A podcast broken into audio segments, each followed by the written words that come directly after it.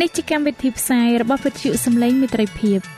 វិទ្យុសំឡេងមេត្រីភាពសូមស្វាគមន៍អស់លោកអ្នកស្ដាប់ទាំងអស់ជាទីមេត្រី នាងខ្ញុំសេកសុចិន្តាវតី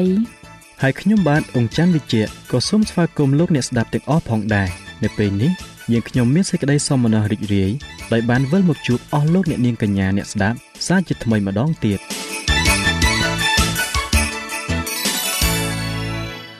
នាងខ្ញុំសេកសុចិន្តាវតី សូមជម្រាបជូនកម្មវិធីផ្សាយដែលមានជាបន្តបន្ទាប់ដូចតទៅនេតិជំហានទៅកាន់ព្រះគ្រីស្ទនេតិផ្លូវសម្រាប់ជីវិត ចា៎លោកអ្នកស្ដាប់ជាទីមេត្រី នាងខ្ញុំសូមគោរពអញ្ជើញអស់លោកលោកស្រី អ្នកនាងកញ្ញាតាមដានស្ដាប់កម្មវិធីផ្សាយរបស់វិទ្យុយើងខ្ញុំដូចតទៅ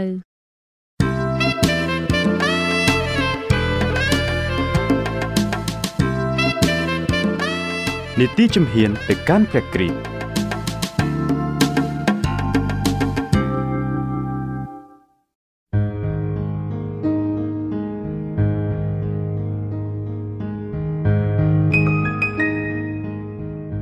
នាងខ្ញុំសេកសុចិន្តាវតីសូមជម្រាបសួរអស់លោកលោកស្រីអ្នកនាងកញ្ញានិងប្រិយមិត្តអ្នកស្ដាប់ជាទីមេត្រីនេះជាការប្រពៃណាស់ដែលនាងខ្ញុំមានកិត្តិយសដោយបានវិលមកជួបលោកអ្នកសាជាថ្មីម្ដងទៀត នៅក្នុងកម្មវិធីជំហានទៅកាន់ព្រះគ្រីស្ទហើយនៅក្នុងពេលនេះដែរនាងខ្ញុំសូមលើកយកវគ្គបន្តនៃប្រធានបទមុនដែលមានចំណងជើងថា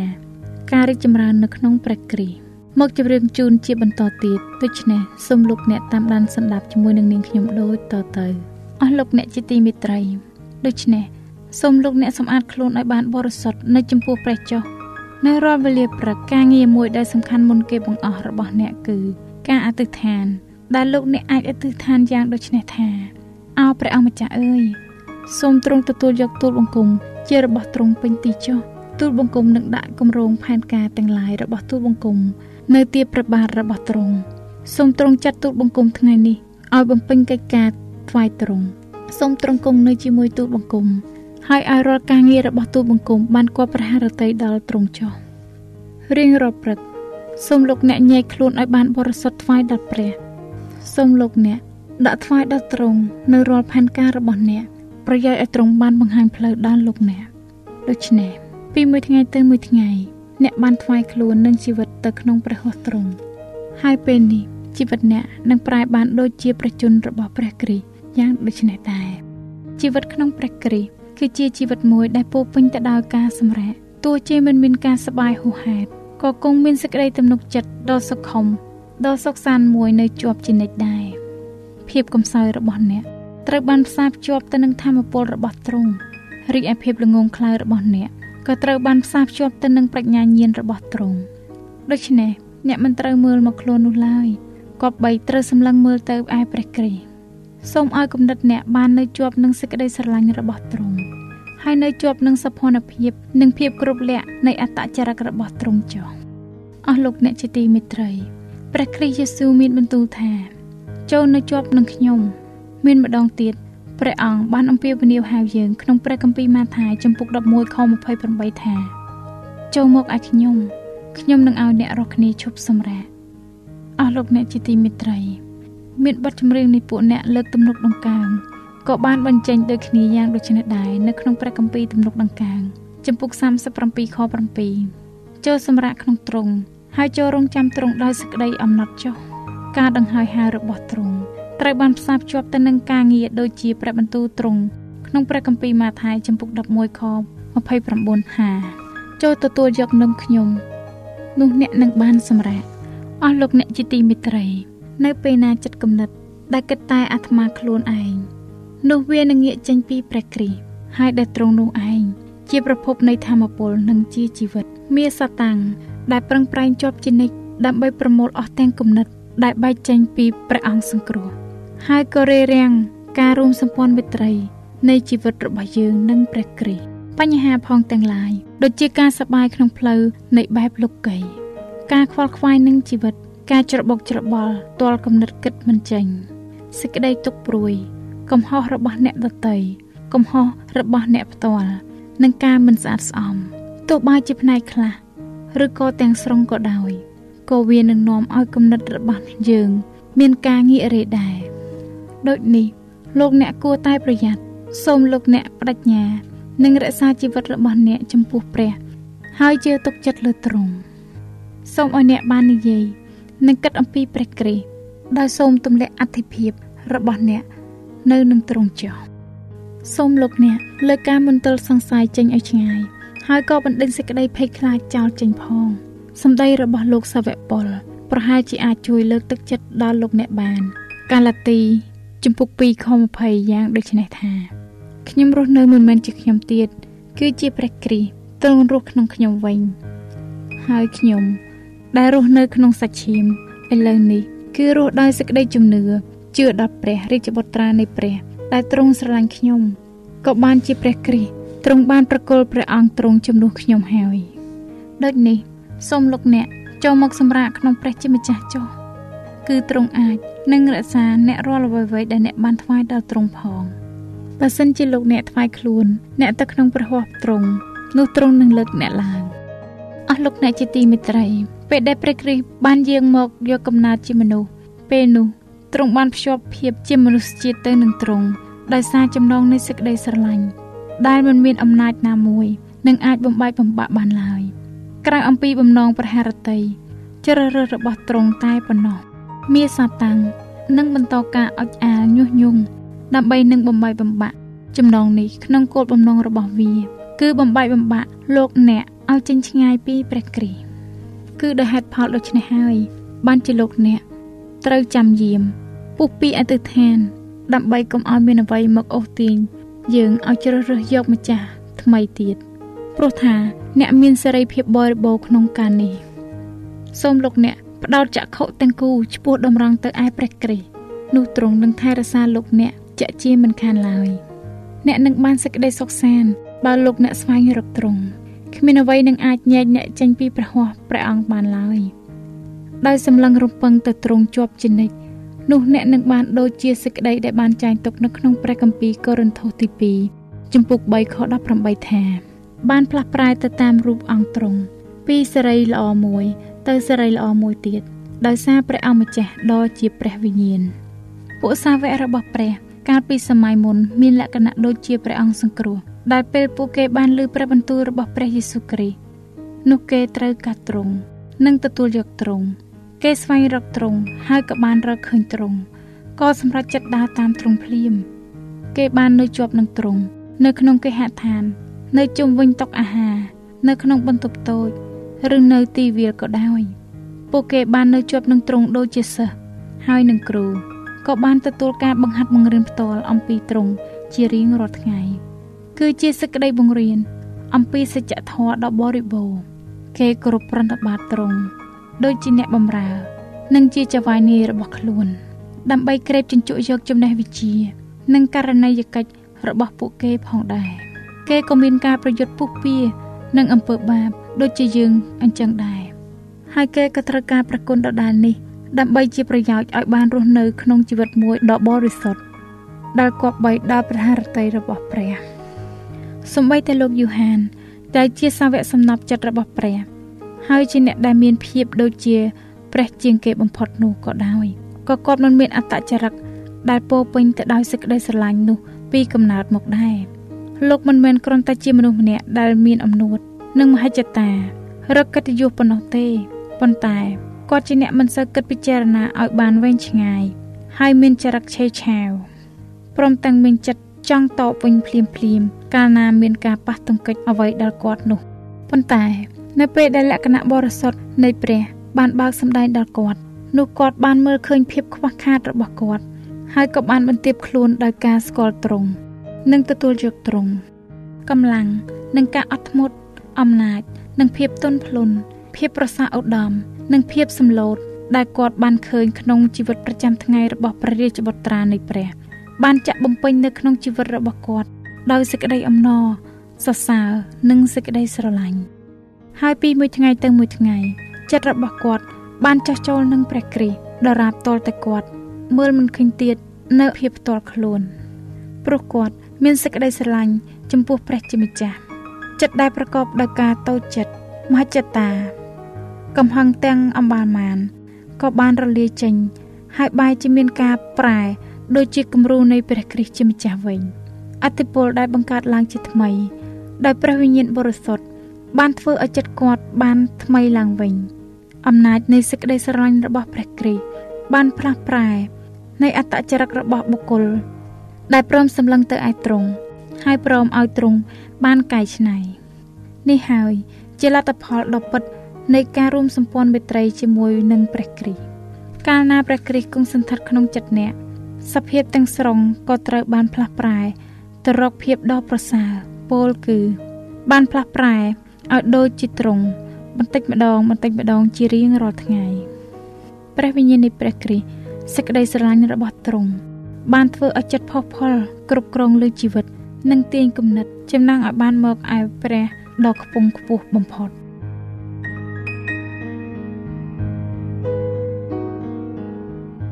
ចា៎ដោយពេលវេលាមានកំណត់ យើងខ្ញុំសូមផ្អាកនាទីជំហានទៅកាន់ព្រះគ្រីស្ទនេះត្រឹមតែប៉ុណ្ណេះសិនចុះ ដោយសន្យាថានឹងលើកយកនាទីនេះមកជម្រាបជូនជាបន្តទៀតនៅថ្ងៃអង្គារសប្តាហ៍ក្រោយ សូមអរគុណ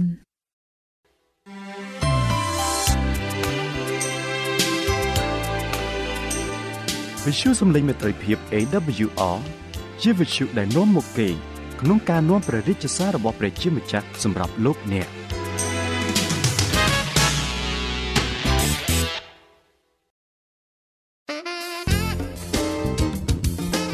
សូមជូននីតិផ្លូវសម្រាប់ជីវិតចា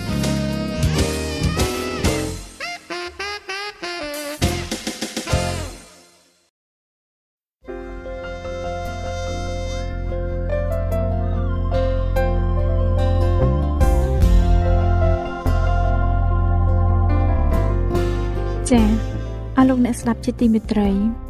ជាបន្តទៅទៀតនេះនាងខ្ញុំសូមអញ្ជើញលោកអ្នកនាងតាមដានស្ដាប់នាទី ផ្លូវសម្រាប់ជីវិត កាលពីមេរៀនទី21លោកអ្នកបានស្ដាប់រួចមកហើយ អំពីថាតើស្ថានរុជាអ្វីហើយស្ថានរុនោះនៅឯណាហើយនៅថ្ងៃនេះលោកអ្នកនឹងបានស្ដាប់ពីមេរៀនថ្មីមួយទៀតដែលមានចំណងជើងថាតើមានអ្វីកើតឡើងក្រោយពីពេលដែលមនុស្សយើងបានស្លាប់ទៅ មនុស្សយើងម្នាក់ម្នាក់មានសេចក្តីស្ញាញ់ខ្លាចជាខ្លាំងចំពោះសេចក្តីស្លាប់ព្រោះគេមិនបានដឹងថា នឹងមានអ្វីកើតឡើង ក្រោយពីស្លាប់ទៅតើ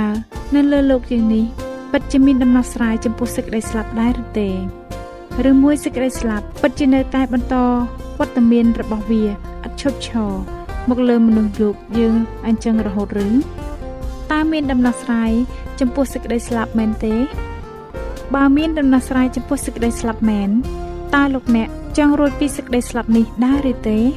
ចា៎ ដើម្បីឲ្យលោកអ្នកកាន់តែយល់ច្បាស់ថាតើសេចក្តីស្លាប់អាចនឹងបញ្ចប់វត្តមានរបស់វា នៅថ្ងៃណាមួយដែរឬទេដូច្នេះនាងខ្ញុំសូមគោរពអញ្ជើញអស់លោកអ្នកនាងតាមដានស្ដាប់មេរៀនទី22ភាគទី1នេះដែលនឹងជម្រាបជូនដល់លោកអង្ចាន់វិជ្ជៈដូចតទៅ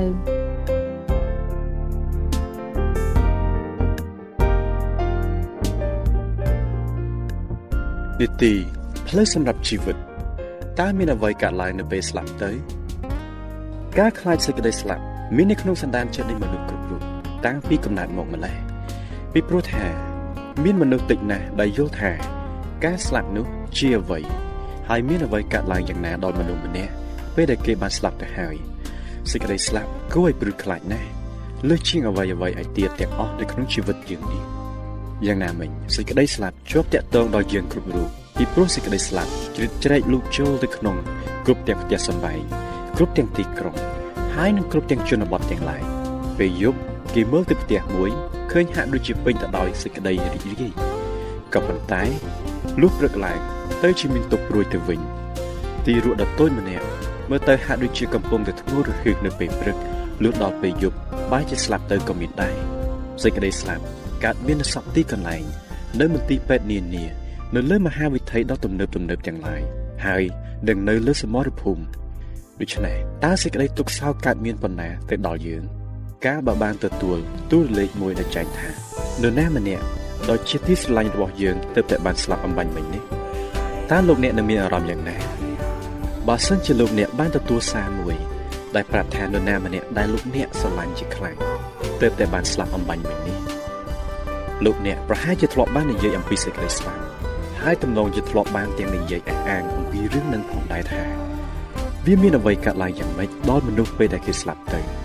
មនុស្សនានាឆ្ងល់ថាពេលមនុស្សម្នាក់ស្លាប់ទៅតើបន្ទាប់មកទៀតវានឹងមានអ្វីកើតឡើងតើសេចក្តីស្លាប់អាចពិតឬទេចំពោះបរិបទម្នាក់ដែលស្លាប់ទៅហើយ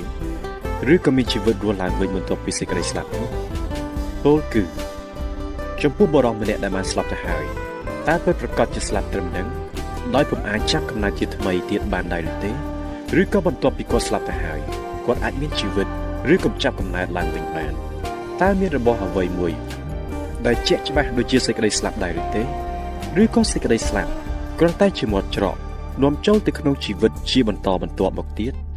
ជាច្រកមួយដែលគេពិបាករកឈ្មោះដាក់ឲ្យចំយ៉ាងពិតប្រាកដតើមនុស្សនានានៅរស់រានមានជីវិតតទៅទៀតឬបន្ទាប់ពីការបាត់បង់ជីវិតទៅ ទៅសាកពិសោធន៍នៅជីវិតមួយដ៏យូរលង់ជាងឬក៏យ៉ាងណាបើអញ្ចឹងតើសេចក្តីស្លាប់នោះនៅឯណាទៅ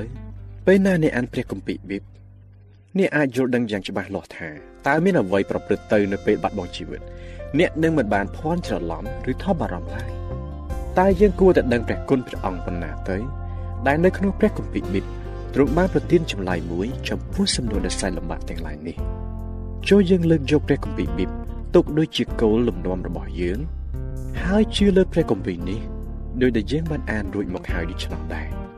សូមស្ដាប់នៅចំណុចទី1តើអ្នកស្លាប់ទៅនៅឯណាព្រះគម្ពីរបានចែងយ៉ាងច្បាស់លាស់ពីទីកន្លែងដែលបុគ្គលម្នាក់ត្រូវទៅនៅនាពេលបាត់បង់ជីវិតទៅព្រះគម្ពីរសាស្តា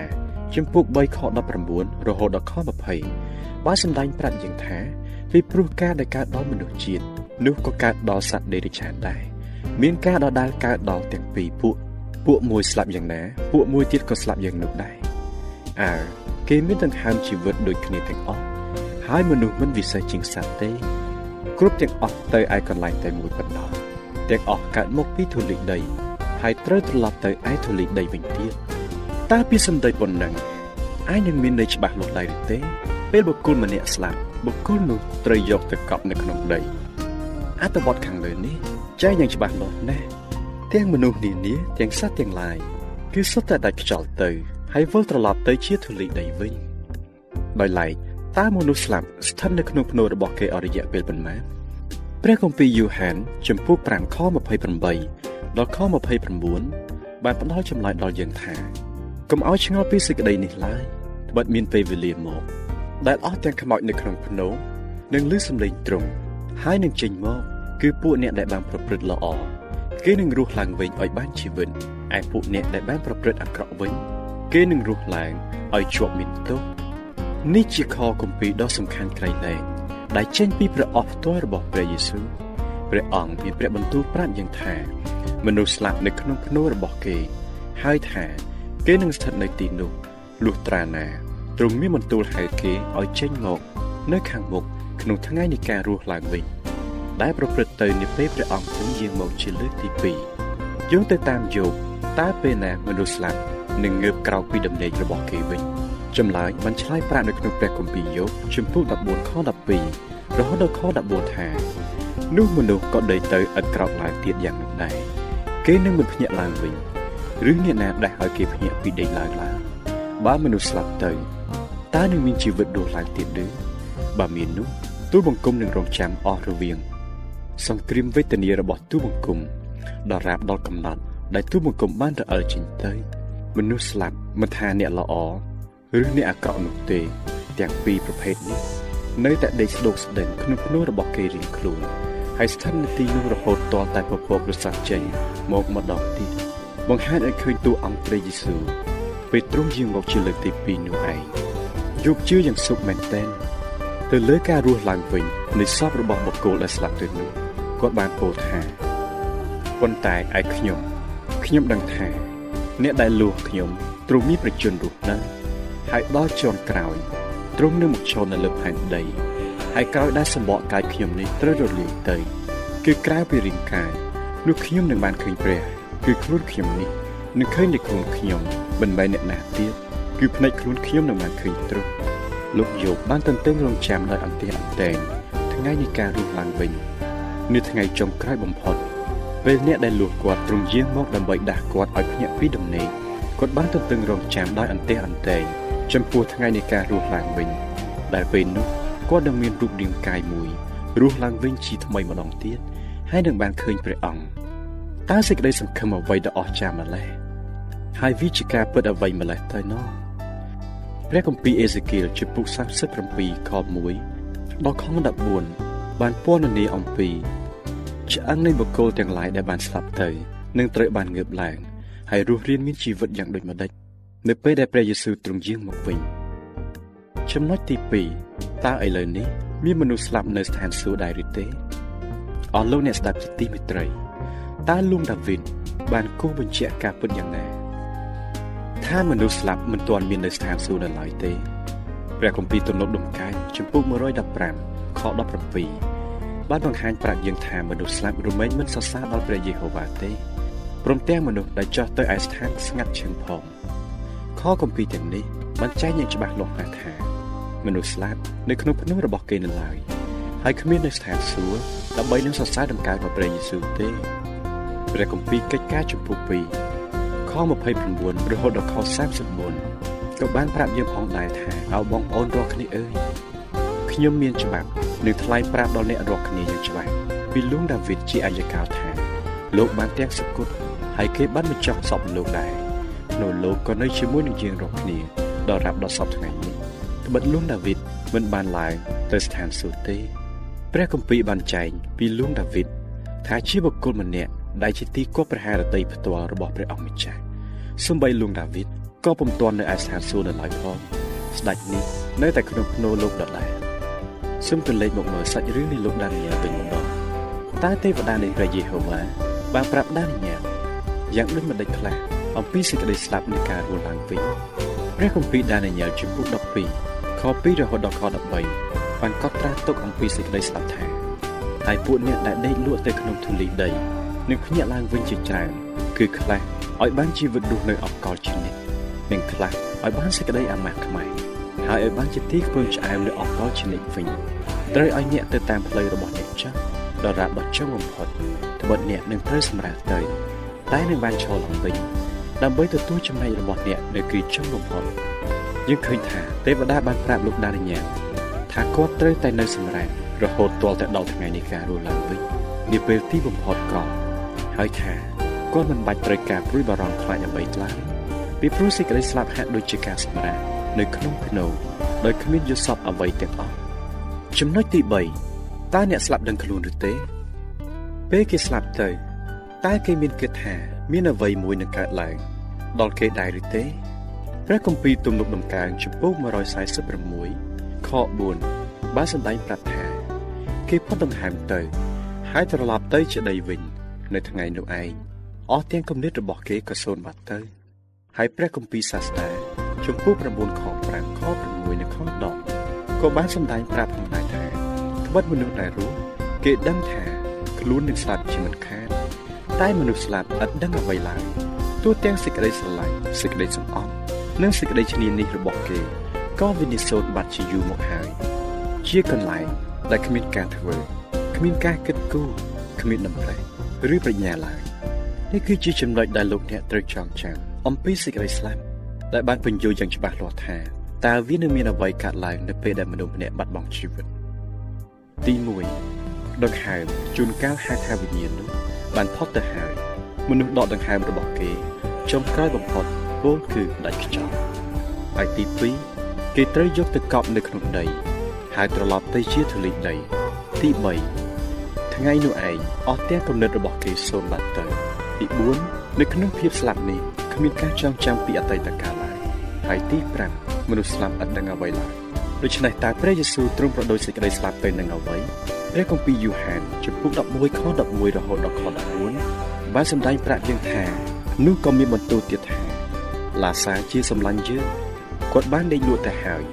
ខ្ញុំទៅដើម្បីនឹងដាស់គាត់ឡើងដូច្នេះពួកសិស្សទូលថាព្រះអង្គម្ចាស់អើយបើគាត់ដេកលក់នោះគាត់នឹងបានជាវិញឯព្រះយេស៊ូវ ទ្រង់មានបន្ទូលពីគាត់ស្លាប់ទេ តែគេស្មានថាទ្រង់មានបន្ទូលអំពីគាត់គ្រាន់តែដេកសម្រាប់ប៉ុណ្ណោះព្រះយេស៊ូវមានបន្ទូលទៅគេជាយ៉ាងច្បាស់ថាឡាសាស្លាប់ហើយព្រះយេស៊ូវមានបន្ទូលថាឡាសាដេកលក់ហើយបន្ទាប់មកទ្រង់បានបញ្ជាក់យ៉ាងច្បាស់លាស់ថាឡាសាស្លាប់ហើយព្រះគម្ពីរប៊ីបបានចែង54ដងថាការស្លាប់ដូចជាការដេកលក់ពេលនរណាម្នាក់ដេកលក់យ៉ាងស្រួលរហូតពេញមួយយប់ លុះព្រឹកឡើងវាហាក់ដូចជាកន្លងមក បានត្រឹមតែមួយផ្លឹកសោះតើវាមិនមែនយ៉ាងដូច្នោះទេឬអីពេលមនុស្សស្លាប់គ្រប់ទាំងគំនិតទាំងឡាយត្រូវចំពេលគេភ្ញាក់ក្រោកពីដំណេកវិញដោយព្រះយេស៊ូវទ្រង់ហៅឬដាស់ឲ្យក្រោកឡើងនៅពេលព្រឹកថ្ងៃនៃការរស់ឡើងវិញចំពោះគេវានឹងហាក់ដូចជាថាគេគ្រាន់តែបានដេកលក់តែមួយផ្លេចប៉ុណ្ណោះការខុសប្លែកគ្នាដ៏ធំបំផុតរវាងការដេកលក់និងការស្លាប់នោះគឺគ្រាន់តែថាព្រះយេស៊ូវទ្រង់អាចដាស់ឲ្យនរណាម្នាក់ បានក្រោកចាកពីដំណេកនៃសេចក្តីស្លាប់ប៉ុណ្ណោះការបង្រៀននៃព្រះគម្ពីរប៊ីបដែលថាមនុស្សស្លាប់ឥតដឹងខ្លួនអ្វីសោះនោះគឺវាសមហេតុសមផលទៅហើយតើអ្នកធ្លាប់បានឃើញមនុស្សម្នាក់ប៉ះទង្គិចដោយពំដឹងខ្លួន ទៅនឹងរថយន្តមួយដែលកំពុងបើកលឿនដែរឬទេដោយគាត់ដេកស្ដុកស្ដឹងលើផ្លូវដោយពំដឹងខ្លួនអ្វីសោះតើគាត់ដឹងយ៉ាងម៉េចទៀតទេលោកអ្នកអាចឆ្លើយថាប្រកាសជាអត់ដឹងអ្វីសោះឡើយឥឡូវនេះយើងអាចសន្មត់ថា មានរថយន្តធំមួយបើមកតាមបណ្ដោយផ្លូវហើយកិនគាត់ស្លាប់ទៅតើអ្វីខ្លះទៅដែលគាត់នឹងគិតឃើញហើយគាត់នឹងគិតឃើញយ៉ាងណាទៅទៀតលោកអ្នកនឹងអាចឆ្លើយថាក្រោយពីគាត់ស្លាប់នៅក្នុងខណៈពេលដែលគាត់ពុំបានដឹងខ្លួននោះគាត់ប្រកាសជាគ្មានដឹងអ្វីអ្វីទាំងអស់ក៏ប៉ុន្តែព្រះគម្ពីរបៀបបញ្ជាក់ថានៅថ្ងៃនោះឯងអស់ទាំងគំនិតរបស់គេក៏សូន្យបាត់ទៅហើយមនុស្សស្លាប់អត់ដឹងអ្វីឡើយមនុស្សស្លាប់នៅក្នុងភ្នូរបស់គេសម្រាប់ដេកនៅទីនោះដោយពុំដឹងខ្លួន ឥឡូវនេះគ្មានមនុស្សស្លាប់ណាម្នាក់នៅស្ថានសួគ៌ឬក៏រងទុក្ខវេទនានៅស្ថាននរកឡើយតើវាអស្ចារ្យប៉ុណ្ណាទៅដែលដឹងថានរណាម្នាក់ដោយជាទីស្រឡាញ់របស់យើងគេបានស្លាប់ទៅ ហើយឥឡូវនេះ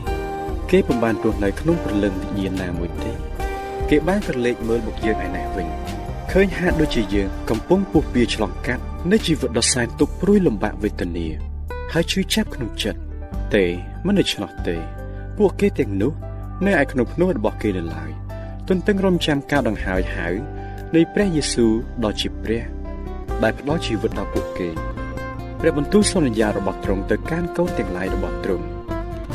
តែមានភាពស្មោះត្រង់នឹងទ្រង់តាមរយៈព្រះគម្ពីរលូកាចំពុក14ខ14នោះថាលុះកាលណាពួកមនុស្សសុចរិតរស់ឡើងវិញនោះអ្នកនៅបានរង្វាន់ហើយ